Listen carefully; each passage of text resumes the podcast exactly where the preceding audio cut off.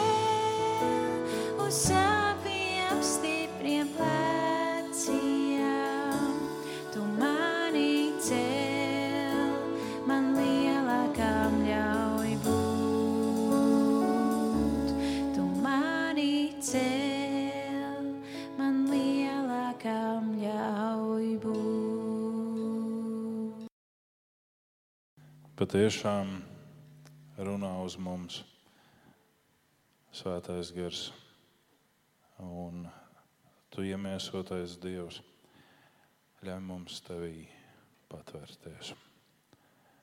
Lai Tavs vārds spēcīgi darbojas mūsos ikvienā. Āmen. Sēdieties, lūdzu. Šajā dienā mēģināsim domāt un runāt par dzīvu ticību un ceļu ar Dievu. It kā tādas divas lielas daļas un nozīmīgas daļas mūsu dzīves gājumam. Un reizēm mēs sakām, man ar ticību viss ir kārtībā. Mana ticība ir dzīva.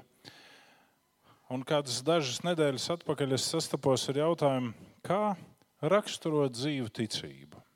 Kā saprast dzīvu draugu, dzīvu ticību, ko tas sevī ietver? Un reizēm mēs sakām, ka dzīva draudzene un dzīva ticība ir tad, kad tu ienāc zālē un vienkārši visi kliedz, bļauj, krīt gar zemi, lec līdz grieztiem augšā. Mūsu zālē to būtu grūti izdarīt, bet gan jau kāds pamēģinātu. Tu nevarētu tā līdz grieztiem akselu uzlikt. Nu, varbūt no balkona maliņas tā plukš un griezti. Vai tas raksturo dzīvību? Un atbilde ir nē. Tas raksturo kaut kādas ekstātiskas izpausmes, bet tas neraksturo dzīvību. Kas raksturo dzīvību? Un dzīvības raksturojums ļoti bieži ir šis viens, ka tas, kas ir Dieva vārds, tā ir arī tava ikdiena. Nevis tā ir tikai tāda grāmata, skaista, kuru tu noliec plauktiņā un uz kuru krājās puteklīši, bet tā ir tava ikdiena. Bija kāda situācija, kur draudzē bija kāds pāris, varbūt pat ne tikai pāris, bet ģimene, un viņiem bija vienmēr dažādas sūdzības un dažādas problēmas, un viņi daudz kurnēja un daudz sūdzējās un skuma par savu dzīves gājumu. Un kādā reizē mācītājs viņus apciemoja. Un kamēr tika pagatavota kāda tēja, mācītājs vēroja viņu grāmatu plauktu. Un ieraudzījis grāmatu plauktā Bībeli, viņš izņēma šo Bībeli Un tad, kad ienāca mājas māte un tēvs, viņš teica, o, es jums atradu plauktā Bībeli. Un tur bija garš stāsts, cik vērtīga ir šī grāmata un cik labi ir šī grāmata. Un jautājums bija, vai jūs arī lasat šo vērtīgo un labo grāmatu. Un atbilde bija, ka jā, mēs lasām, un tā taču ir tik ļoti vērtīga grāmata, ka to mēs tā cītīgi lasām. Mācītājs ievietoja grāmatu atpakaļ plauktā šo vērtīgo grāmatu, kas cītīgi tiek lasīta. Un tad turpinājās iksvētdienas gaušanās un kurnēšana. Un pēc kāda ilgāka laika, kad divi, trīs mēneši bija pagājuši, varbūt pat pusgads, mācītājs ieradās vēlreiz šajā mājā apviesot šo ģimeni un izvilka šo vērtīgo grāmatu ārā no plaukta. Un tā vietā, kur ir sakām vārdi, trešā nodaļa, paļaujies uz to kungu no visas sirds un nepaļaujies uz savu prātu gudrību. Mācītājs atšķīra un teica, kā ir ar lasīšanu. Jā, mēs lasām. Viņš saka, ja jūs būtu lasījuši, jūs būtu atraduši šo draudzes dāvinājumu jums 500 latus tajā laikā, lai jūs varētu tikt galā ar savām problēmām. Jūs būtu redzējuši, ka paļāvība uz to kungu atmaksājās. Un tāpēc dzīva ticība ir ceļš ar Dievu.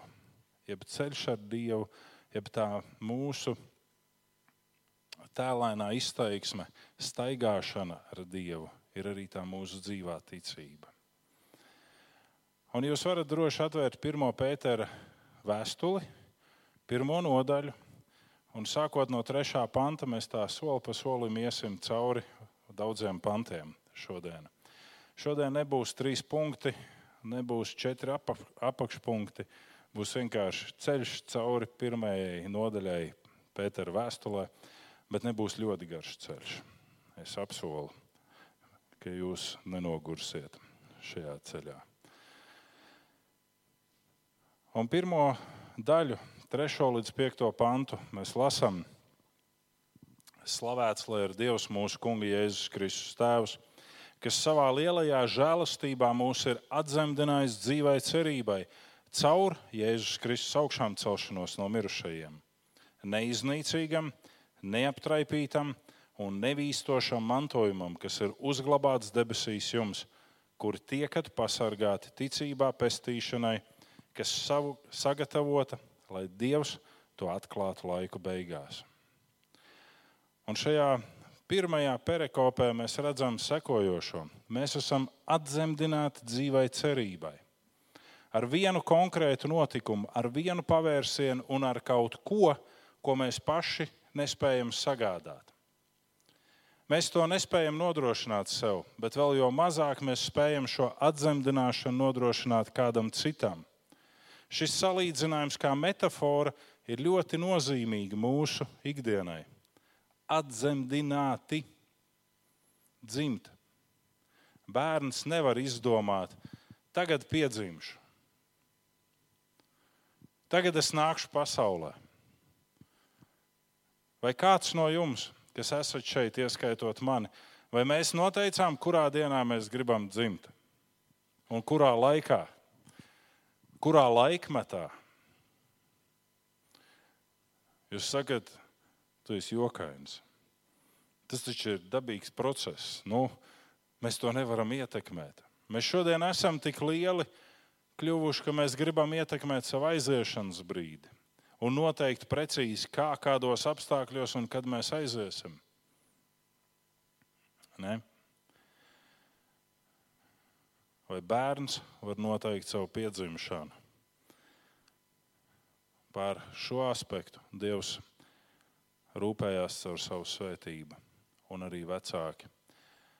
Bet mēs esam piedzīvojuši šajā laikmetā, ka ir vecāki, kur labprāt gribētu, un viņiem nav šī svētība. Vai viņi piedzīvo kādas grūtības šīs svētības ienešanā dzīvē?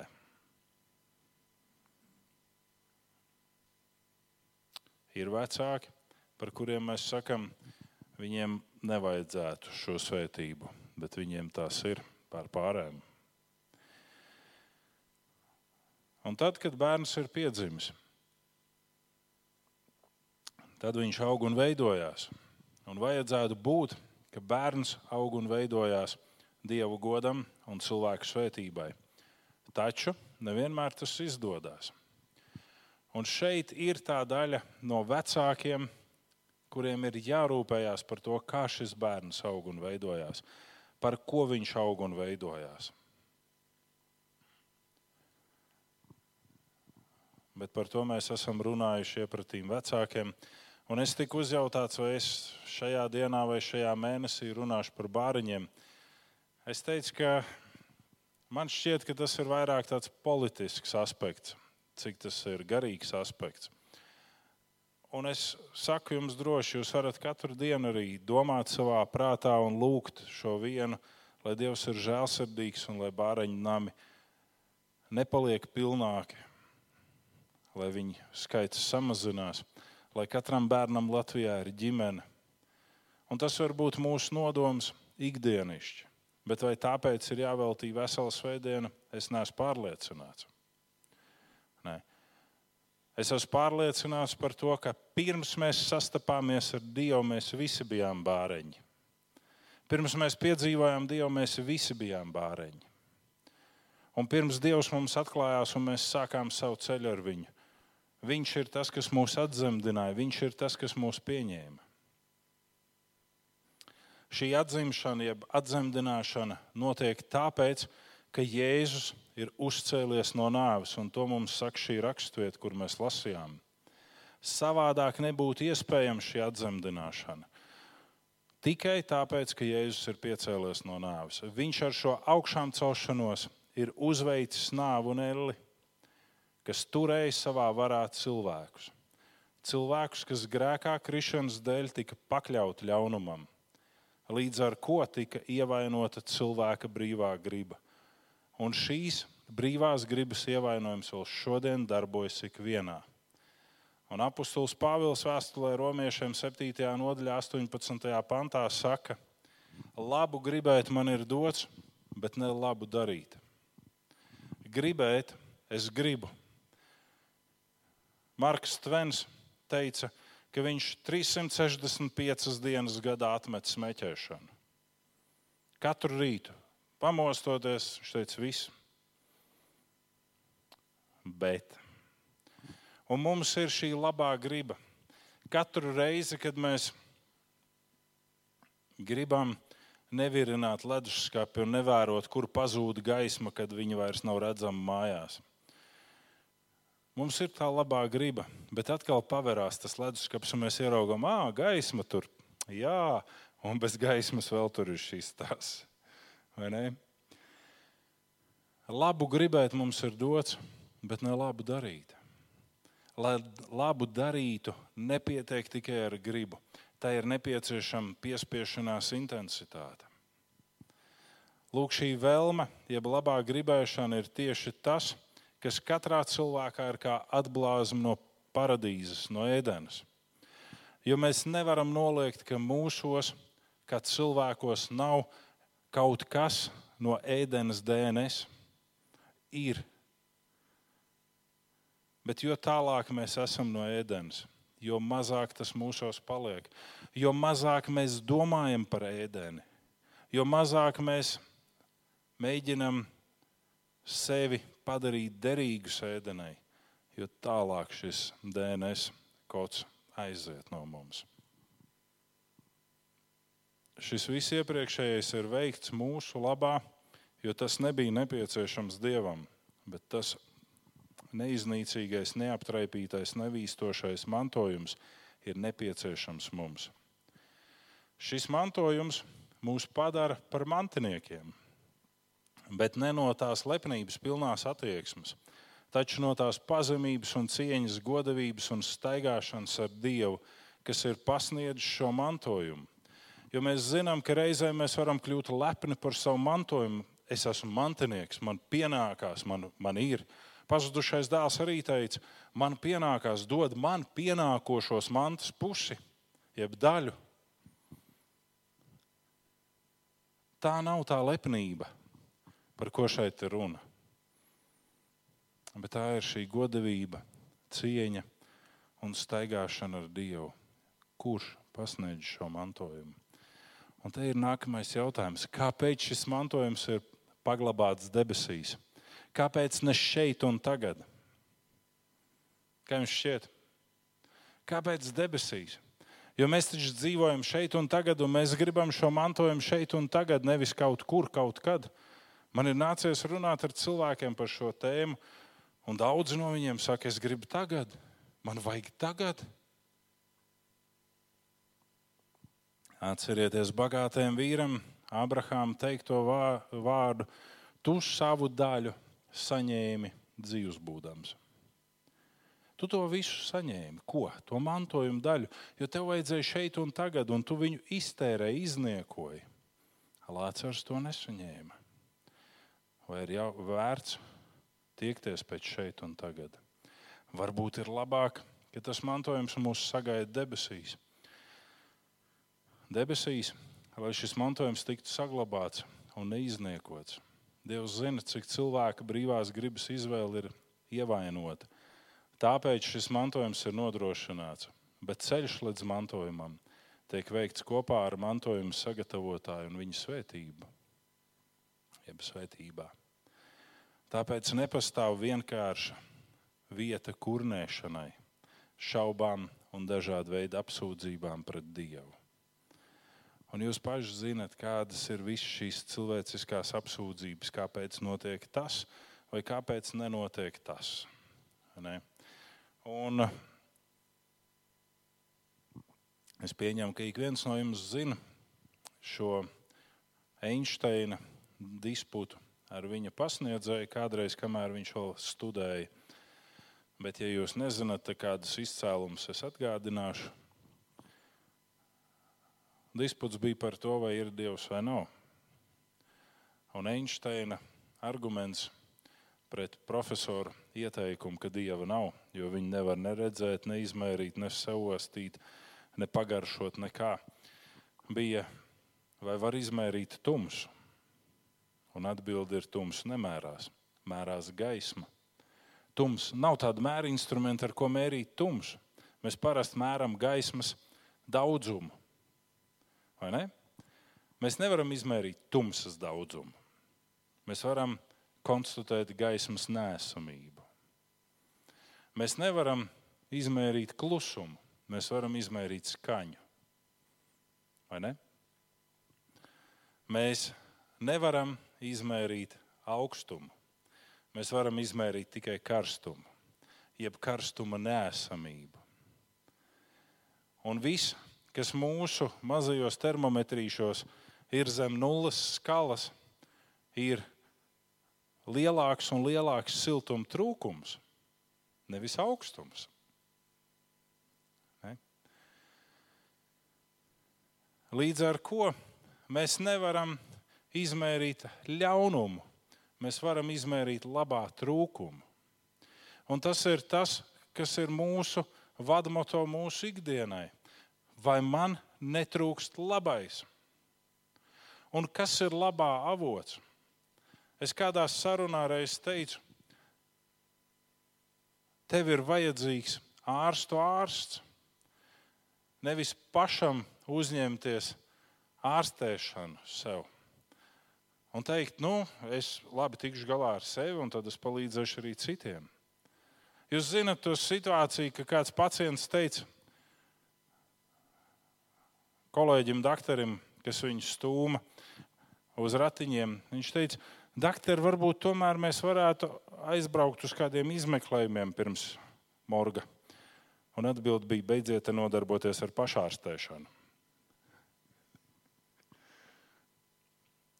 Mums ir vajadzīgs kompetents ārsts, un tas ir viens. Mums ir vajadzīgs šis mantojums sagatavotājs, un tas ir viens. Mums ir vajadzīgs šis labā avots, kas mūsu ikdienišķi var piepildīt ar labo. Un lai tajā brīdī, kad mums dusmas sakāpj un mēs gribam uzsprāgt, mēs varam atkal norimties un teikt, es žēlsirdīgs man un visai pasaulē. Patiesi žēlsirdīgs, nevis atriebīgs, nevis atmaksātājs, bet žēlsirdīgais. Dievs zina, ka šis mantojums var tikt iztērēts, tāpēc viņš tiek sagatavots debesīs. Un tāpēc nepastāv vieta kurnēšanai un šaubām. Lai cilvēkam būtu vieglāk tiekties pretīm šim mantojumam, Dievs sniedz to, kas saucās svētība, jeb precīzāk teikt, laimība. 21. gadsimtā cilvēki nesaprot, kas ir svētība. Tā ir tā pati laimība jeb svēta laimīgs, tas būtu sakombinēts no abām daļām kopā. Tas ir dažādas atbildes uz mūsu vajadzībām. Tie ir materiālie nodrošinājumi un pat pāri par vajadzīgo. Un mācekļu slēptais jautājums. Mēs esam visu atstājuši un esam tev sekojuši. Mateja evanģēlijā 19.27. jūs to varat lasīt, Mateja 19, 27, Marka 10, 28, Marka 10, 28 vai Lūkas 18, 28. Ir šis jautājums rakstīts. Mēs esam visu atstājuši un tev sekojuši. Viņi tur neizsaka, kas mums par to būs, bet tas ir šis slēptais jautājums. Mēs esam devušies tev līdzi, kas mums būs par to. Un Jēzus saka, Nav neviena, kas būtu kaut ko atstājis manis un evaņģēlīja dēļ šeit, un neiegūtu jau šeit. Lūka saka, tūkstoškārta šeit, un vēl dzīve mūžīgo. Ja mums būtu iedota dzīve mūžīgā šeit, mēs to izniekotu mēs to izniekot. Jūs varat neticēt man, bet mēs to izniekot. Banknote LV stāvētu pilna plaukti ar katru iesniegto mūžīgo dzīvību, uz procentiem nolikt. Jo mēs sakām tieši tāpat kā brālīts, un to zināja Astrīda Lingrēna perfekti. Tad, kad viņš jautāja, cik es esmu jums vērts vecāk, un viņa teica ar atbildi, jā, jo viņi bija samiegojušies, viņš jautāja, vai es jums esmu simts tūkstoši miljonu vērts? Viņa teica, jā. Viņš teica, tad iedodiet man mazliet skaidrā, lai var sunīt nopirkt. Vai es jums esmu kā vērts? Jā, nu tad mazliet. Dievs, vai es esmu tā vērts, ka man ir mūžīgā dzīvība? Jā, tu esi. Nu tad piešķir man mazliet šeit. Un Dievs saka, es jau tev esmu piešķīris un piešķiru un piešķiršu. Tu to piedzīvo ikdienas. Nopietni. Apstuļi to saņēma kā atbildi. Nav neviena, kas būtu kaut ko atstājis, kas jau neiegūts šeit un vēl tur. Nav neviena. Ejam tālāk. Ja jums ir atšķirti Pētera vēstules raksti, tad sekojam 6. līdz 9. panti. Par to jūs līksmojaties šobrīd vēl nedaudz ciestami. Jo tā, ja tā vajag, dažādos pārbaudījumos, lai jūsu pārbaudītā ticība, kas ir daudz cildenāka par iznīcīgā zelta pārbaudu ugunī, parādīt, ka jūs esat teicami, slavējami un godājami dienā, kad atklāsies Jēzus Kristus. Jūs viņu mīlat, lai gan nesat redzējuši, par viņu tagad vēl neredzēdam, bet ticēdam, jūs līksmojaties ar neizsakām un apskaidrotu prieku sasniedzot ticības piepildījumu, dvēseles pestīšanu. Ticības stiprinājuma, jeb rūdījuma dēļ rodas dažādas ciešanas, par kurām mēs runājam pagājušajā svētdienā, un arī esam runājuši iepriekš, un varam mazliet pieskarties šodien. Ir dažādas ciešanas, lai tiktu rūdīta mūsu ticība. Un mērķis ir iznīcīgais zelts, tiek pārbaudīts ugunī. Iekšā kā lai pārbauda mūsu ticību. Mēs sakām, nu, zini, Dievs, ir baigi grūti. Pārbaud man ticību tā, ļaujot man atpūsties, neko nedarot. Nu tā, tā, pavieglo. Kā es tikai pasaku savā domās kādu vēlmi, tā izpildi to. Nu, nu tā vienkārši, lai nav baigta jāsarežģīja viss. Tas nerūda mūsu ticība. Tas mūs attālina no ticības. Kāpēc? Tāpēc, ka cilvēks ir būtne, kuram ir grūti noturēt pateicību. Nav nepieciešama piepūle vajadzīga priekš kurnēšanas un pukstēšanas, bet priekš pateicības vienmēr vajag piepūli. Un tad mēs sākam runāt, kādā veidā pateikties. Vai šis ir pareizais veids pateicībai, ja vajag tādu pateicību izmantot, vai tomēr kaut ko darīt sekojoši savādāk tā vai tad nav? Sakiet, kā ir. Gadiem ejot un mainoties, mēs kļūstam par cilvēkiem, kas saka šo vienu bāriņa frāzi. Tā tad es pieminu bāriņus, piefiksējiet. Visi mņē dolžni. Jūs visi esat man parādā.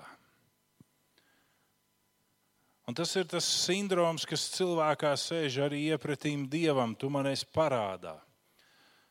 Un kā mēdz šodien teikt, ka tas ir apgrūtinājums, ka es esmu piedzimis par vīrieti, jo es jau neesmu izvēlējies tāds būt. Vienkārši Dievs piespiedu man tādam būt. Un cits saka, es jau negribēju būt sieviete, bet man tāds liktenis. Es zinu vienu, ka man reizēm ir grūtības izprast sievieti. Bet dziesminieks saka, ka sieviete izprast vīriešu dabu ir neiespējami. Tas nav lemts viņai. Ne.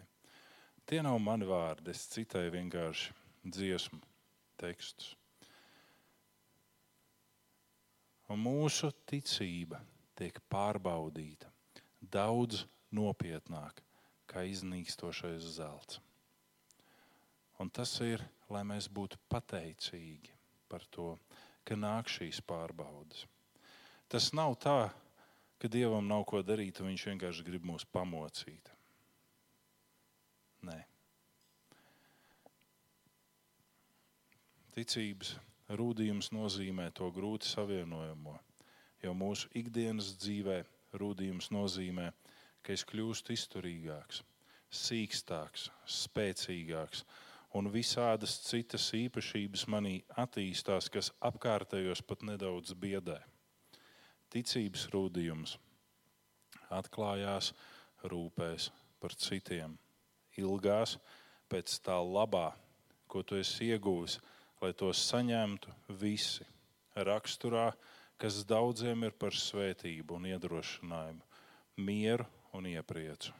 Ticības rūdījums ar katru dienu tevi tuvina tavam nedalāmajam dievam. Vai tu mīli Jēzu? Un vai tev ir dārgs viņa upuris? Tāds jautājums. Mēs par to mazliet lasījām iepriekš. Ne. Vai tev ir vērtība tas, ko viņš izdarīja tavā labā? Ja tu saki, nē, Tas ir izdarīts. Es pat dievam to neprasīju. Nu, pats gribēju, pats izdarīju, viss notika. Man nesen bija kāda situācija.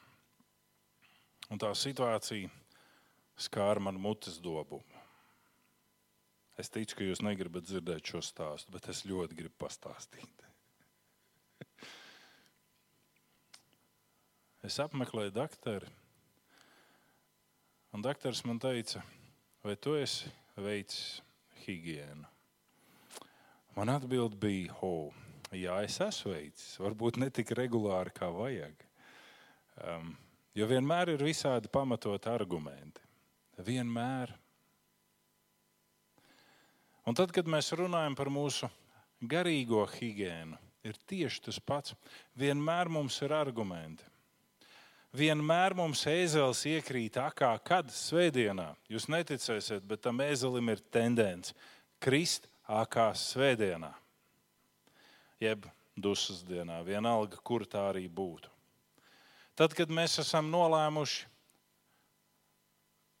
Dievam atlicināt šo laiku savai sadraudzībai ar Dievu, tā ēzelis ir akā, atkal veltas netīrās darba drēbes, velc ēzeli ārā no akas. Un ar tiem ēzeļiem ir divi tādi e, interesanti aspekti.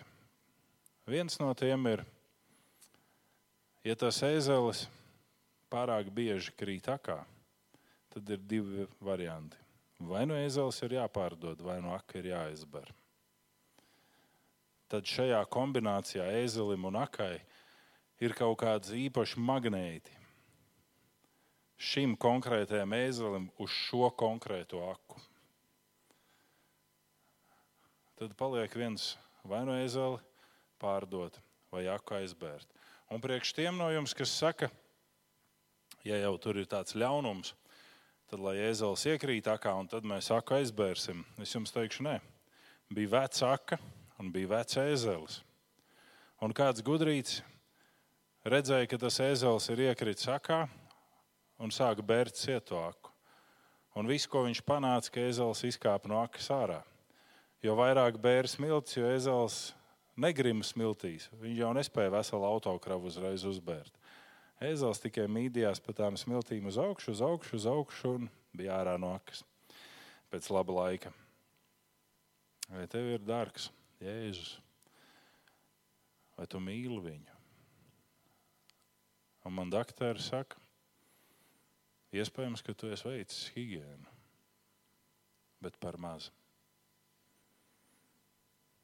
Un tā infekcija, kas ir tev tikusi tavā žokļa kaulā, nevar savādāk tikt apkarota, kā tev būs jāšķirās no kādiem zobiem.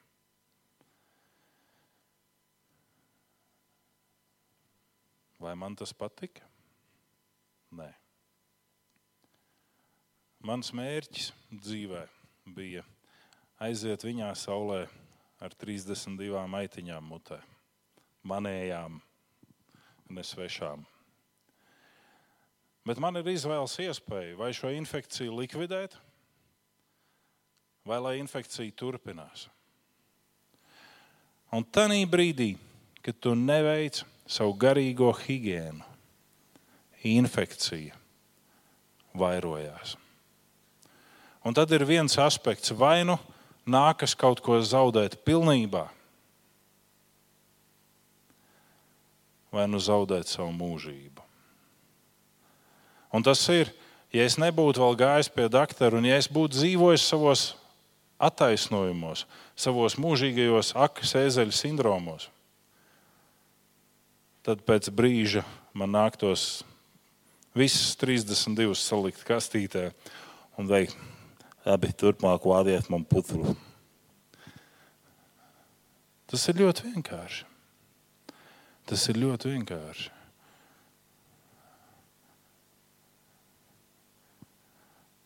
Un tas arī attiecas uz tevi un mani. Ja mēs garīgi nepieslēdzamies tam, kam vajag, jo mums vienmēr ir argumenti, tad vienā brīdī ir par vēlu. Pētera vēstule ir vaļā, ejam tālāk. 10. un 12. panti. Redzi, šo pestīšanu jau meklēja un to pētīja pravieši, kas paredzēja žēlastību, kam jānāk pāri jums, censdamies atklāt, uz kuru laiku un kādiem apstākļiem norādīja Kristus gars viņos, kas jau iepriekš liecināja par Kristus ciešanām un godību pēc tām. Šiem praviešiem tika atklāts, ka ar to ne paši sev, bet jums viņi kalpo. To pašu jums tagad pauž prieka vēsts sludinātāji svētajā garā, kas no debesīm sūtīts, tajā, kas pasludināts pat eņģeļi kāro ieskatīties. Šī atzemdināšana tiek apzīmēta ar pestīšanu. Ja precīzāk izsakoties, otrādi - pestīšana ir salīdzināta ar atzemdināšanu. Cilvēki mēdz nesaprast, ko sevī ietver šī pestīšana, jeb glābšana. Tad nu tiek lietots šis salīdzinājums ar dzimšanu. Mums jāsaprot, ka brīdī, kad cilvēks tiek pestīts, jeb glābts, notiek izmaiņas. Tas nav nepamanāms process, tas ir manāms un ar īpašu nozīmi. Kad piedzimst bērns, tas ir pamanāms. Reizēm gaidīšana varētu nebūt manāma, bet piedzimšana ir pamanāma. Pēdējie metri un pati dzimšana ir manāmas situācijas mazākam lokam, bet tas pēc procesa un posms ir manāms visiem. Mēs nevaram nepamanīt vienu jaundzimušu bērnu, ja viņš nonāk mūsu redzes lokā.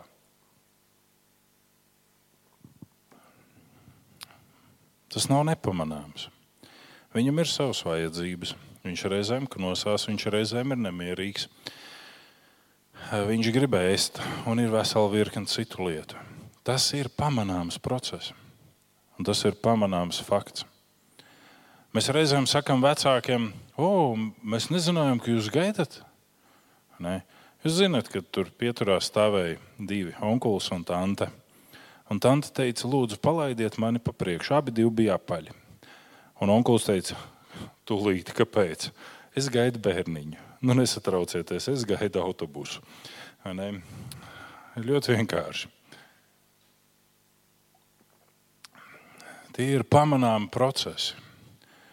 Kāds ļoti neliels lokus redz to sākotnējo procesu, bet tad, kad šai saulē ienāk bērniņš, to redz visi. Dieva cilvēki ir runājuši, brīdinājuši, izpauduši un devuši manīt, kas un kā notiks. Un tas ir tik īpaši, ka pat eņģeļi kāro tajā ielūkoties. Iekšā kā? Iekšā šīs piedzimšanas. Vakardien bija tāda interesanta situācija. Man un bērniem tika pasniegts konfekts. Es nesapratu, kas tur bija. Kas man būtu jāņem vērā? Tātad mums tika pasniegts konfekts. Un brīdī, kad mēs gribējām tā dušīgi nodoties šo saldumu baudīšanai, izrādījās, ka kādi jau bija sākuši baudīt šīs konfekts pirms mums. Ne? Un tās nebija pēles. Ne? Tas bija daudz mazāks par peļu. Un tad bija tāds jautājums, nu, ēst vai nē. Mans mierinājums bērniem bija, tajos mazajos ēdājos ir daudz proteīna. Tātad tās ir ļoti barojošas konfektes.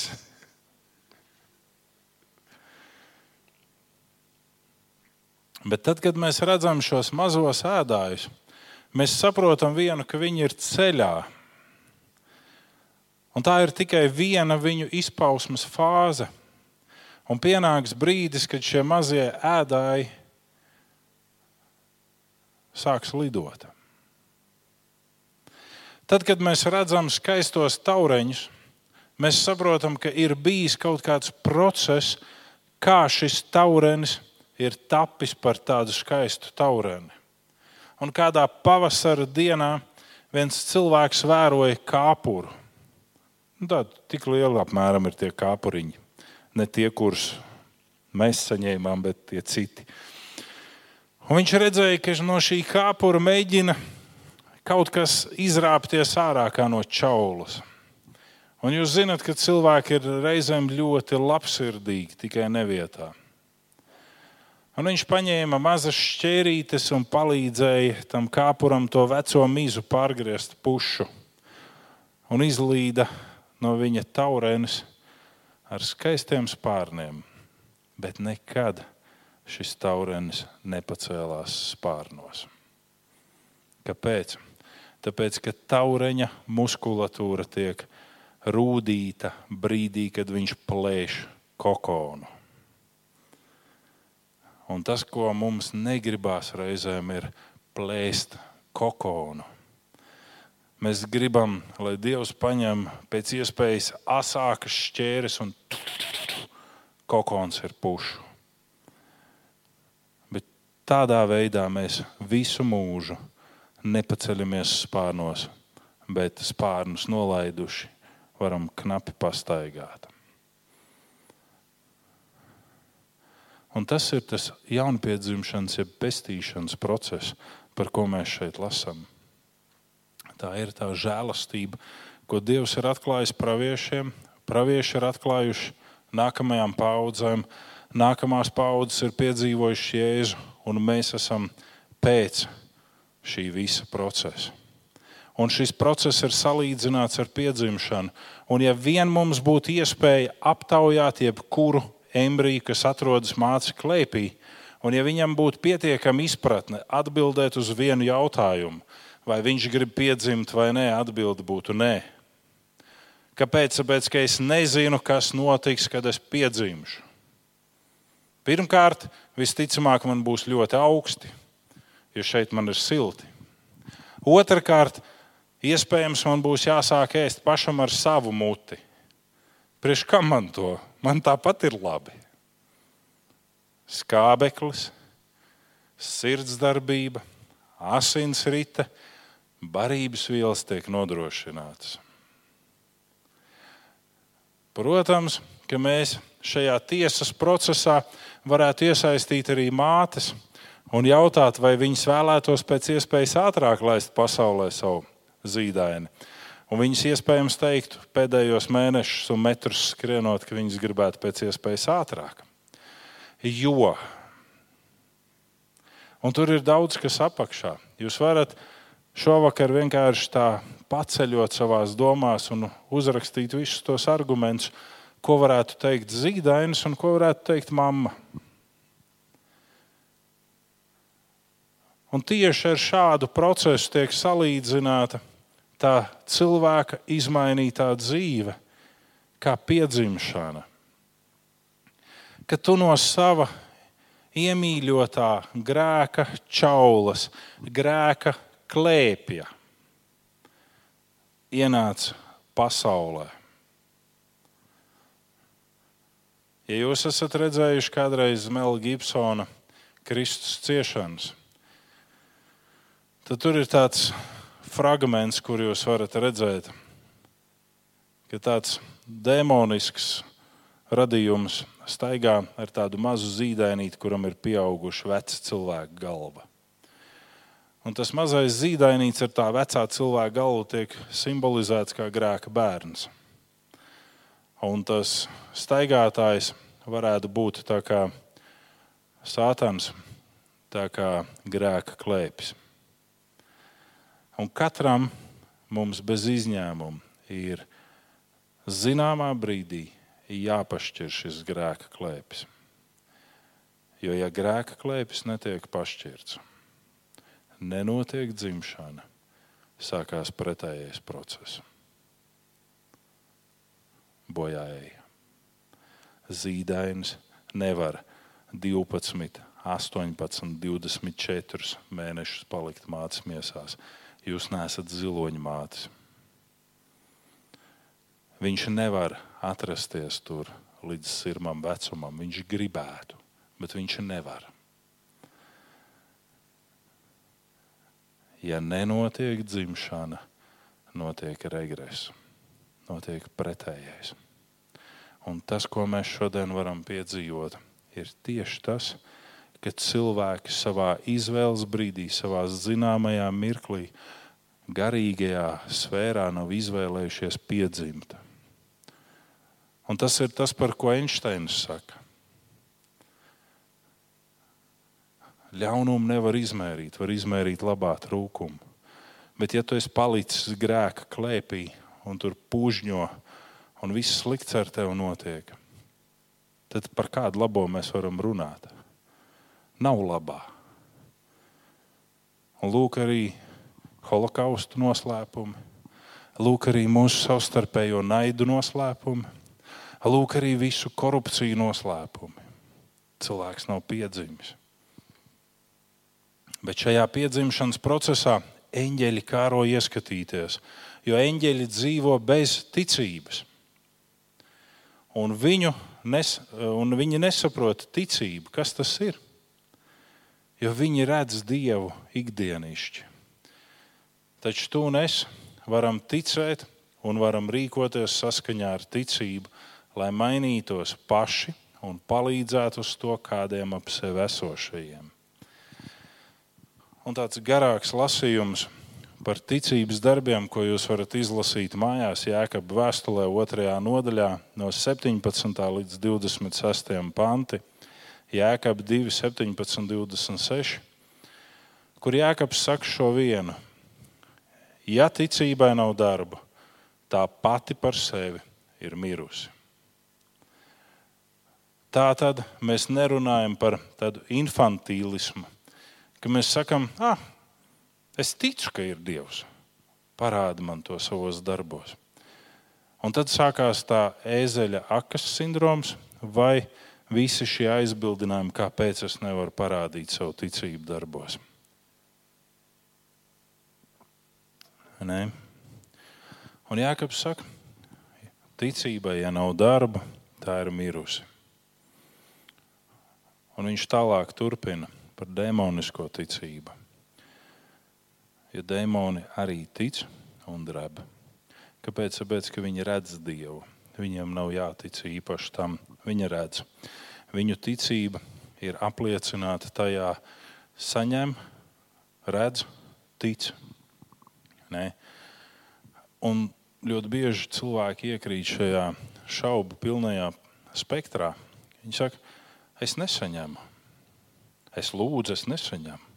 Es kāroju, es nesaņemu. Tāpēc, ka tu, kā Jēkabs saka, ļaunu sirdi lūdzu. Un ļaunais ir apslēpts nevis tikai tajā, lai tu to šķiestu savā kārībā, bet ļaunais ir apslēpts tajā, ka tu lūdz no Dieva, lai tādējādi pamatotu savu ticību. Ja viņš atbildēs, tad es ticēšu, ja viņš neatbildēs, es neticēšu. Nē, ja tu esi piedzimis tad pirmais solis jau ir spērts. Tu esi ienācis šajā izmainītajā vidē, no grēka klēpja ārā.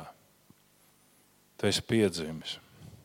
Un, ja jūs lasat par Ābrahāmu un Īzāku, tas šeit ir rakstīts Jēkabā vēstulē.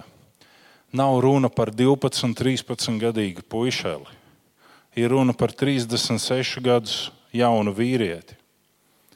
Jūs salieciet chronoloģiski visu kopā, un jūs redzēsiet, Īzāks bija 36 gadus vecs, jo uzreiz pēc notikuma Morija kalnā zāra mirst. Un zārai tajā brīdī ir 127 gadi.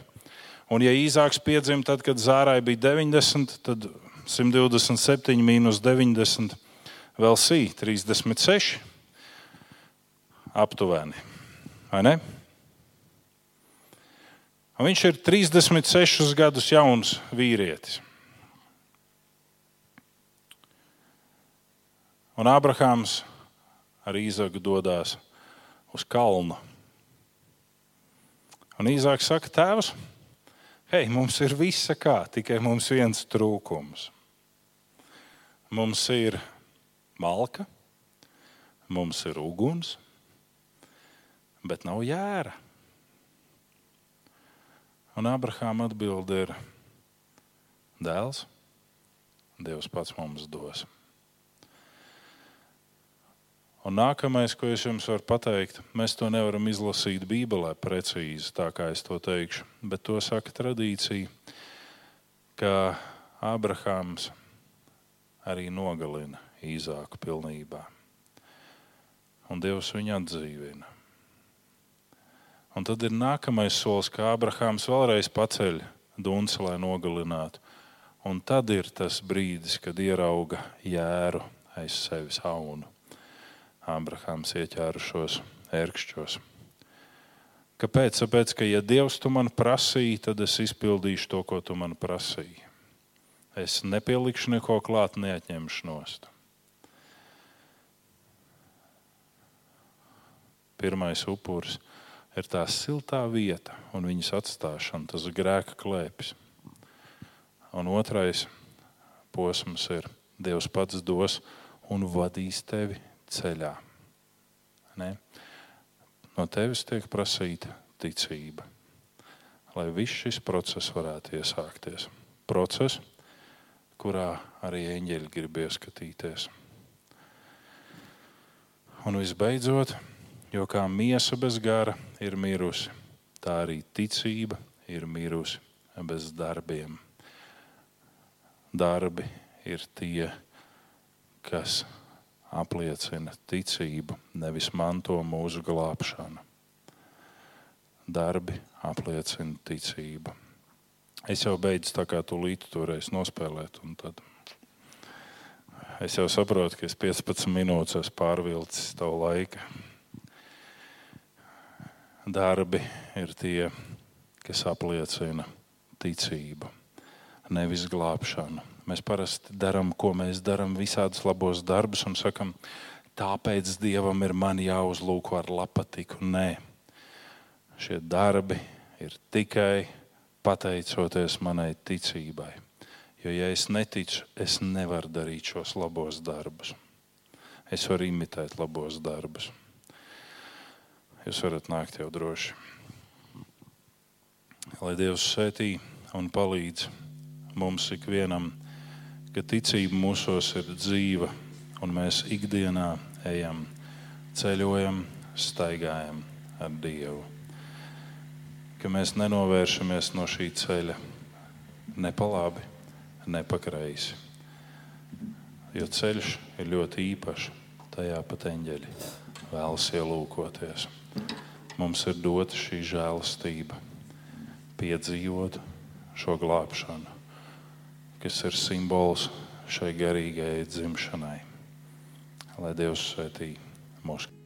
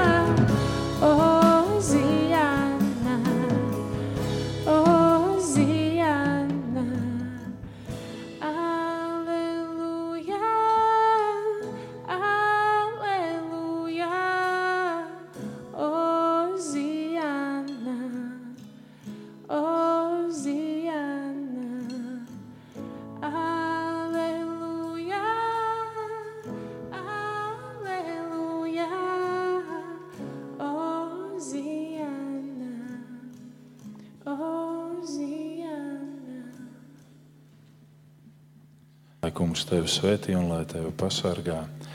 Lai kungs apgaismo savu vaigu pār tevi un ir tev žēlīgs. Lai kungs tevi uzlūko ar lapatiku un lai dod tev savu mieru. Āmen!